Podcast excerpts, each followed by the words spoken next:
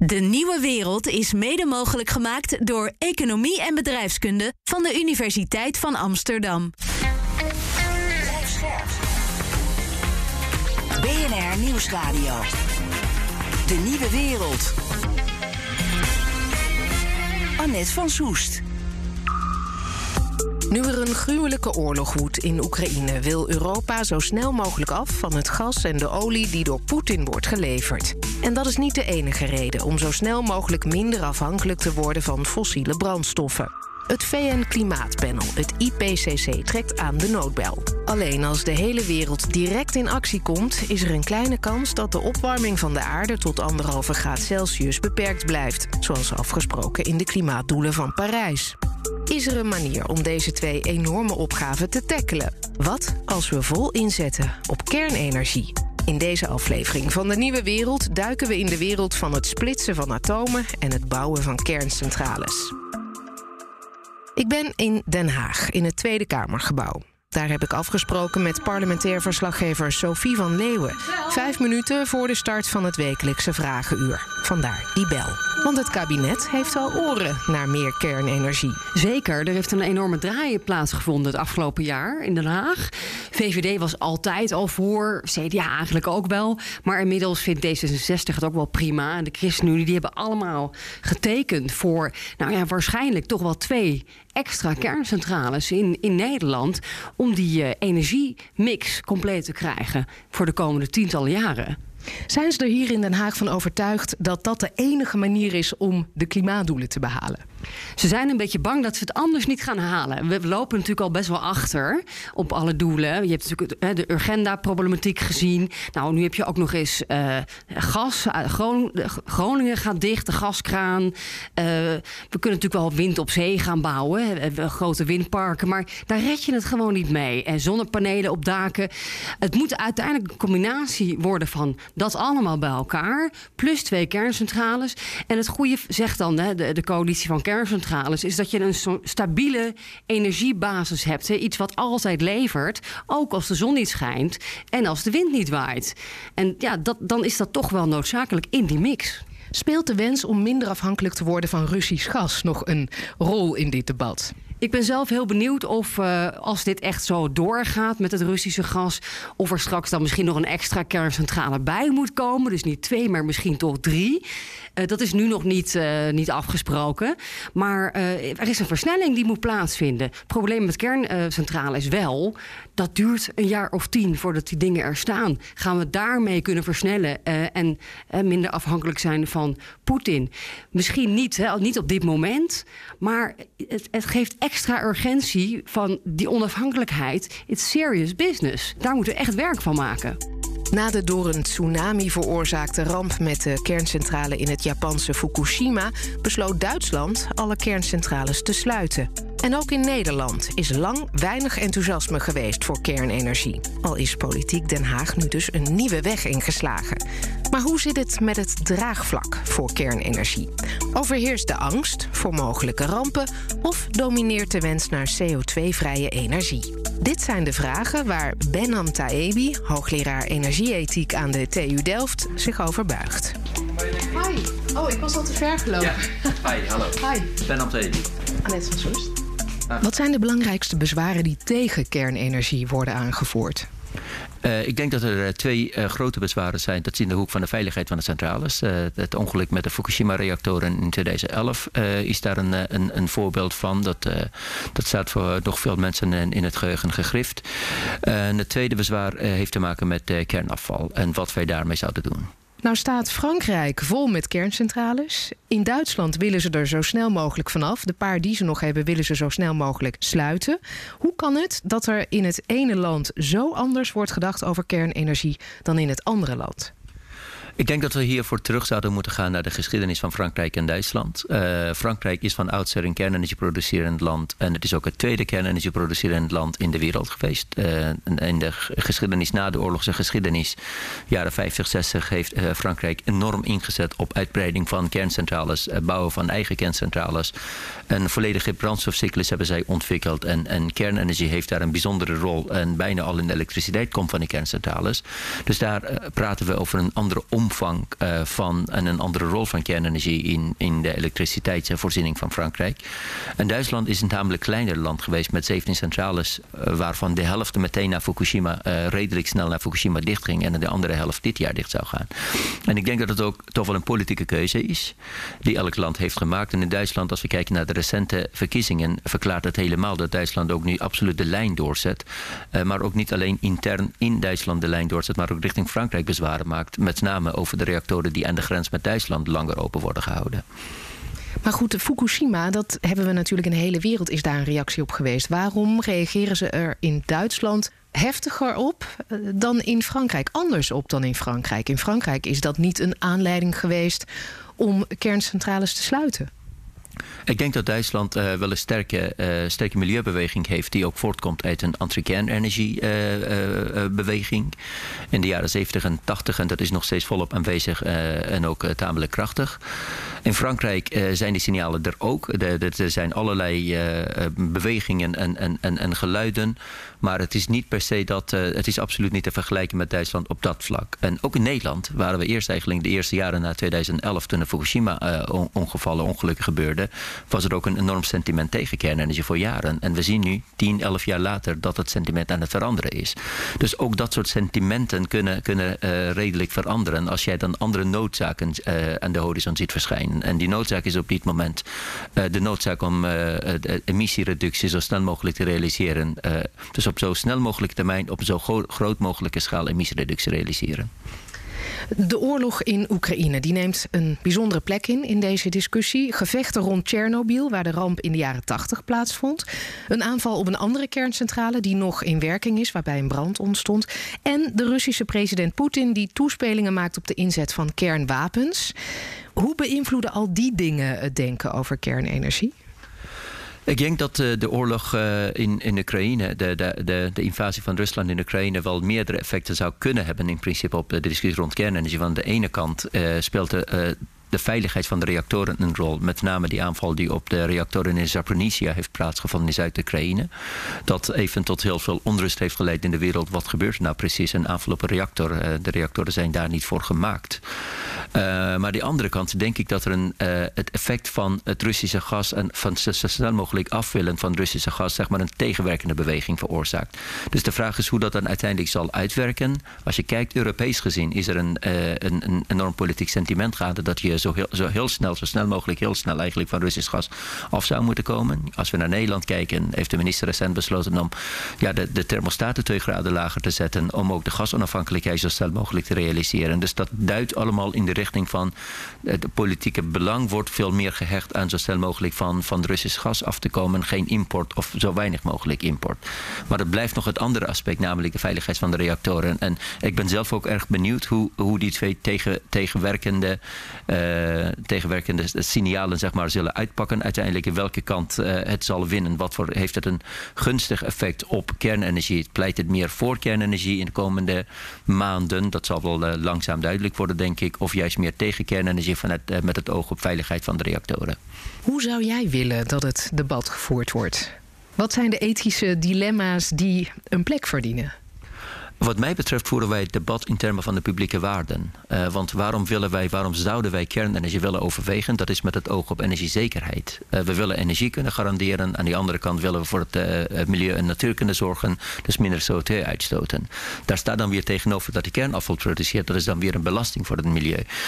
maar ik zou, in dat, ik zou het liefst in termen van hetgeen wat wij moreel belangrijk vinden in de samenleving dat debat willen voeren. Want kernenergie wel of niet, dat, die vraag zou je niet kunnen beantwoorden zonder te kijken naar alternatieve energiebronnen of andere energiebronnen. De vraag is hoe snel wij van fossiele brandstoffen af willen komen. Hoe snel willen we of kunnen we richting uh, hernieuwbare energiebronnen, uh, wind- en zonne-energie. En welke rol zou kernenergie daarbinnen kunnen spelen? En hier spelen, het speelt een scala aan een interessante publieke waarde een rol. Energiezekerheid heb ik net even naar verwezen. De veiligheid van de reactoren, maar ook de veiligheid uh, van andere energiesoorten. waar de natuurlijke bronnen vandaan komen, waar de materialen vandaan komen, waar we van afhankelijk zijn. Denk aan koper bijvoorbeeld, waar we enorm van afhankelijk zijn. Denk aan staal die voor, voor de wind, windmolens nodig is. Waar, waar zou dat vandaan moeten komen? Dat komt onder andere uit de meest vervuilende industrie in Nederland, namelijk datasteel. Dus het is wel het complete plaatje van energie is een complex plaatje. En ik zou, dat, ik zou willen waken voor het te veel simplificeren van dat plaatje. Want het is ingewikkeld en simpele antwoorden bestaan niet. Ehm, ik zou dan het debat zouden willen terugbrengen tot de essentie van hetgeen waar het om gaat. energie heeft op zichzelf geen waarde. We doen er dingen mee die waardevol zijn. Dus in termen van die, die publieke waarden of morele waarden zou ik dat het debat willen voeren. En dan energiezekerheid, veiligheid, duurzaamheid, eh, maar ook rechtvaardigheid. Hoe zouden wij zoiets kunnen realiseren, willen realiseren in de samenleving? Wie krijgen de lasten en wie krijgen de lusten? Ook klimaat en rechtvaardigheid hebben heel veel met elkaar te maken. En we zetten kernenergie daar tegenover als een potentiële technologie die daar uh, een oplossing op zou kunnen formuleren. Mis je die nuances in het huidige debat? Uh, om eerlijk te zijn mis ik het uh, op dit moment wel. Uh, omdat het debat heel erg vaak platgeslagen wordt tot een ja of een nee. En dan is er heel weinig ruimte voor nuance. Ondanks de scepsis die van oudsher rond kernenergie bestaat, lijken de argumenten voor de laatste tijd terrein te winnen. Maar zelfs als er meer mensen zijn die wel wat voelen voor het bouwen van kerncentrales, betekent dat nog niet dat ze er 1, 2, 3 ook zijn. Niemand weet dat beter dan Marco de Baar, hoogleraar kernfusie aan de TU Eindhoven. Je moet dan door een vergunningentraject, je moet door een politiek traject, je moet een aanbestedingstraject in. Dus voordat er een spade de grond in gaat, ben je al zo vijf jaar verder. En dan moet er nog gebouwd worden. En dat zou zomaar tien jaar kunnen duren. En dan praat je dus over, over 15 jaar. Als we het over kernenergie hebben, gaat het altijd over het splitsen van atomen. Maar recent zijn er vanuit de wetenschap positieve signalen over kernfusie. Dat is een andere manier om aan energie te komen. Hoe werkt dat precies? En wat voor voordelen heeft het? Nou, kernfusie is het uh, versmelten van twee waterstofisotopen, twee waterstofsmaken zou ik maar zeggen. Uh, daarbij ontstaat helium, een neutron en een enorme hoeveelheid uh, energie per reactie. Dat neutron dat gaat inslaan in een structuur waar lithium is. En dat neutron met lithium gaat dan weer zwaar waterstof maken, wat we in die reactie gaan gebruiken dat is een heel veilig en intrinsiek stabiel proces. Je kunt dat uh, mathematisch gewoon aantonen dat het intrinsiek stabiel is. Het nadeel is dat het heel erg complex is om een fusiereactor te bouwen. En om fusie, um, ja, om, om, om, fusie voor elkaar te krijgen. Hè. Het, het, de fusiereactie vindt plaats bij 200 miljoen graden. Uh, je, je, moet een, uh, een volledig geïoniseerd gas, dat noemen we een plasma, opslaan met hele sterke magneetvelden. Dan ontstaat je fusie, dan krijg je heel veel warmte. Die warmte moet je gebruiken om je plasma weer heet te maken. En tenslotte moet je die warmte nog kunnen afvoeren zonder dat je reactor kapot gaat. Dus er komt heel veel technologie bij kijken om die basisreactie, die eigenlijk heel simpel is, tussen waterstofisotopen, om die mogelijk te maken. Is dit wel iets wat een revolutie kan ontketenen in onze energievoorziening? En zo ja, wanneer? Nou, ik, ik, ik ben zelf een, een, eh, een man van, eh, van kleine stapjes. Dus dit is een te ik, grote ben stap. Daar, ik, ik, ik, werk natuurlijk aan, fusie, maar de, de, energietransitie die moet in, in, eh, in een aantal uh, kleine stappen gaan plaatsvinden. Dus wat de, de belofte is van fusie, is dat we op een lange tijdschaal een geweldige uh, energiebron zouden kunnen creëren. En er zal ongetwijfeld behoefte zijn aan meer en meer energie. Als je kijkt naar het aantal mensen dat op de wereld gaat rondlopen en de energiebehoefte per individu zal die energievraag enorm gaan toenemen. En voor dat is fusie misschien wel een heel goed antwoord. Als je kijkt naar het CO2-vrijmaken van onze industrie vandaag en, en eh, in, de, in de komende 10, 15, 20 jaar, is fusie gewoon geen oplossing. Nee, want over welke termijn hebben we het dan? Wanneer kan het wel? De Europese demonstratiereactor die zou uh, fusievermogen aan het net moeten gaan geven in 2060. En dan heb je er dus eentje maar om, om een eh, deuk in een pakje boter te schoppen... moet je natuurlijk uh, heel veel reactoren tegelijkertijd hebben. En om, om dat voor elkaar te krijgen... zul je ook een industrie moeten opbouwen die reactoren kan bouwen. Dus voordat fusie echt een enorme impact gaat hebben... op de manier waarop wij energie opwekken... zijn we echt uh, in, in, in de komende eeuw. Als we het toch over radicale veranderingen hebben, is het niet veel beter om het roer om te gooien en als een gek windmolens te gaan bouwen en zonnepanelen neer te leggen? Nou ja, dat is natuurlijk helemaal prima. Ik heb uh, natuurlijk zelf ook uh, flink veel zonnepanelen op mijn, op mijn dak. En ik kijk iedere dag naar de opbrengst van die, van die panelen. Het is voor mij niet een, een, een, een silver bullet. De ene technologie waarmee je alles kunt doen versus de andere technologie waarmee je alles kunt doen. We praten over een, een hele lange termijn waarin verschillende technologieën beschikbaar moeten gaan komen. We moeten nu gaan nadenken over het implementeren van technologie die we nu al hebben, zon en wind. Over het ontwikkelen van opslag en het maken van uh, drijven van chemie met renewables. Uh, op een tijdschrift van 10, 15 jaar moet, moet dat uh, beschikbaar komen. We moeten nadenken over kernsplijtingen en kernfusie. Die moet beschikbaar komen op een tijdschrift van, van 30 tot 50 jaar. En dat moet dan in de hand veilig met, met lage afvalstromen zijn. En die puzzel, die, die scenario's, die moeten we leggen. En we moeten nadenken over hoe we dat optimaal kunnen doen... en wat dat betekent voor het R&D-programma... wat we nu vandaag moeten uitvoeren. Oké, de weerstand tegen kernenergie onder de bevolking is sterk verminderd... en met kernfusie gaat er misschien wel een heel nieuwe wereld open. Maar ja, het duurt wel even voordat je een kerncentrale hebt gebouwd. En dan heb ik het over een ouderwetse centrale... waar ze atomen niet fuseren, maar splitsen. En naast tijd is er geld nodig. Veel geld. Een bedrijf dat grote sommen geld investeert, wil daar aan het einde van de rit ook aan verdienen. Magiel Mulder is hoogleraar energie-economie aan de Rijksuniversiteit Groningen. Hij deed onderzoek naar het verdienmodel van kernenergie. En hij weet waarom commerciële partijen nog niet in de rij staan om Nederland van kernenergie te voorzien. Nou, de belangrijkste reden is dat het heel veel investeringen vraagt. Een kerncentrale bouwen vraagt heel veel kapitaal. Dan praat je over 5 miljoen euro per megawatt vermogen. En een centrale heeft al snel een vermogen van 1000 tot 1500 megawatt. Dus het gaat om miljarden euro's investering. En dat ga je alleen maar doen als je zeker weet, of vrijwel zeker weet, dat je opbrengsten zult krijgen. En de levensduur van een centrale, een kerncentrale, is 40, 50, 60 jaar. En je wilt graag zekerheid dat je over deze hele periode voldoende opbrengsten zult realiseren waarmee je de investering kunt verdienen, terugverdienen. Wat is goedkoper? Kernenergie, energie uit fossiele brandstoffen of energie uit wind en zonlicht? Dat is een hele moeilijke vraag, want die kosten hangen heel erg af van de benuttingsgraad. Als je zonnepanelen heel veel, heel intensief kunt benutten, met heel veel uren per dag, dan zijn ze veel goedkoper. Maar we hebben wel te maken met de weersomstandigheden in Nederland. Dus de kosten van zonnepanelen in Nederland zijn veel hoger dan van diezelfde zonnepanelen als je ze zou installeren in Noord-Afrika of in Chili. En voor wind geldt hetzelfde. Dus je zoekt naar locaties waar je de meeste opbrengsten kunt realiseren. Voor wind hebben, hebben we in Nederland vrij gunstige locaties. Onshore wind, dus wind op land, is relatief het goedkoopst. Het is goedkoper dan de, dan de andere technieken. En waar staat kernenergie dan? Kernenergie is duurder dan wind op land, maar goedkoper of minder duur dan wind op zee. En ook minder duur dan zonnepanelen, zonneparken.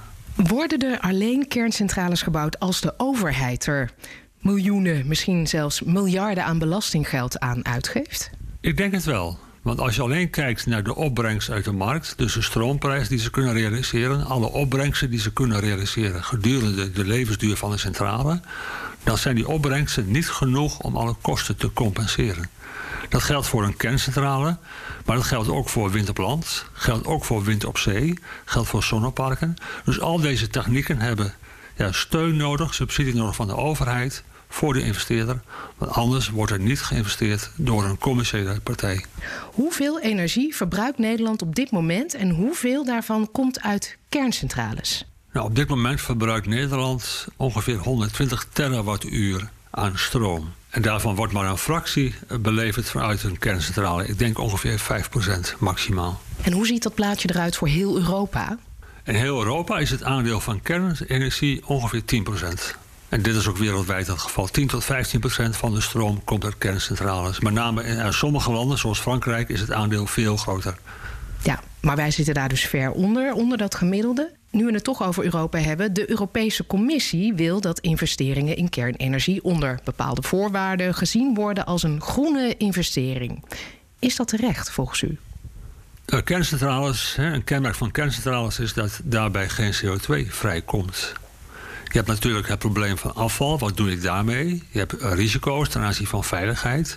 Maar puur kijkend naar CO2-emissies, nou, klimaatvraagstuk zijn kerncentrales groen. En dat is ook de reden dat de Europese Commissie kerncentrales als zodanig heeft betiteld. Want op die manier, door een gascentrale te vervangen door een kerncentrale, of helemaal een kolencentrale te vervangen door een kerncentrale, verminderen we de CO2-emissies bij de opwekking van stroom. Dus ik denk dat het terecht is om kerncentrales als groen te benoemen, omdat je daarmee ja, wel stroom kunt hebben en stroom kunt gebruiken, wat heel belangrijk is, met minder of geen CO2-emissies.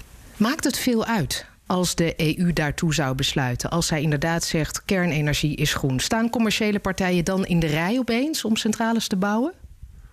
Nou, dit is wel belangrijk voor investeerders. Maar als investeerders weten dat de Europese Commissie, dat overheden hebben gezegd: kernenergie behoort tot de groene manieren van stroom opwekken, dan geeft dat veel meer zekerheid over het toekomstige beleid. Dan zijn ze minder onzeker dat de overheden in de toekomst zouden besluiten... ja, kerncentrales moeten toch maar dicht... want dat noemen we pas niet in ons uh, duurzaam energiesysteem. En die onzekerheid die maakt dat investeerders een hogere rentevoet... een hogere beloning, hè, vergoeding voor het geïnvesteerde vermogen eisen... als beloning voor het extra risico. Dus hoe meer zekerheden overheden kunnen geven over hoe groen ze technieken betitelen, hoe beter dit is voor het investeringsklimaat. Als u nou gebeld wordt door zo'n telemarketeer die u een nieuw energiecontract wil aanbieden en u mag kiezen tussen energie uit gas, hernieuwbare energie uit windmolens en zonnepanelen of uit kernenergie, waar kiest u dan voor? Nou, als econoom, ook wetende van het emissiehandelssysteem dat we in Europa hebben, zou ik zeggen: het maakt niet zoveel uit voor het klimaat. Maar ik zou toch kiezen voor wind en zon, denk ik. Want uh, kernenergie zijn ook goed voor het klimaat. Geen CO2-emissies. Maar bij kerncentrales heb je altijd nog wel veiligheidsrisico's. Afvalprobleem. Ook al is het goed, uh, lijkt het heel erg uh, veilig. Je hebt toch iets meer risico's dan bij wind en zon. En wind- en zonstroom zijn toch het meest duurzame technieken die we hebben. Dat zag ik niet aankomen. Want u heeft onderzoek gedaan naar kernenergie en het verdienmodel van kernenergie. Dat komt er heel goed uit. En dan zou u toch voor hernieuwbare energie kiezen. Ja, we zeggen ook in ons rapport dat we niet alle aspecten hebben meegenomen. We hebben alleen gekeken naar het perspectief van een investeerder. Hoeveel geld heeft hij nodig? Is het rendabel? Maar we zeggen ook, er zijn meerdere aspecten aan kernenergie. Veiligheidsaspecten, afvalprobleem. Ook al lijkt kerncentrales lijken ze veilig, afval kunnen we kwijt. Toch ja, zijn er risico's mee verbonden, wat nog meer analyses vraagt. Denkt u niet dat het, het rapport waaraan u hebt meegewerkt juist gebruikt zal worden om die investeringen in kernenergie wel te doen?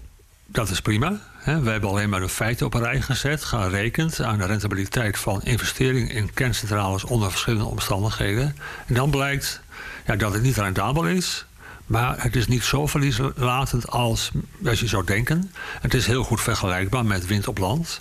En dat is denk ik hele nuttige informatie. Maar voor de uiteindelijke beoordeling, voor de uiteindelijke keuze, moet je maatschappelijk breder kijken. Niet alleen kijken hoeveel geld is er voor nodig om het rendabel te maken, maar ook hoe waarderen we de veiligheidsrisico's. Hoe waarderen we het risico dat we afval moeten opslaan voor, hè, voor een hele lange periode? Dat zijn aspecten die wel moeten worden meegewogen in de maatschappelijke discussie. Ja, als het om kernenergie gaat, zijn er geen simpele antwoorden.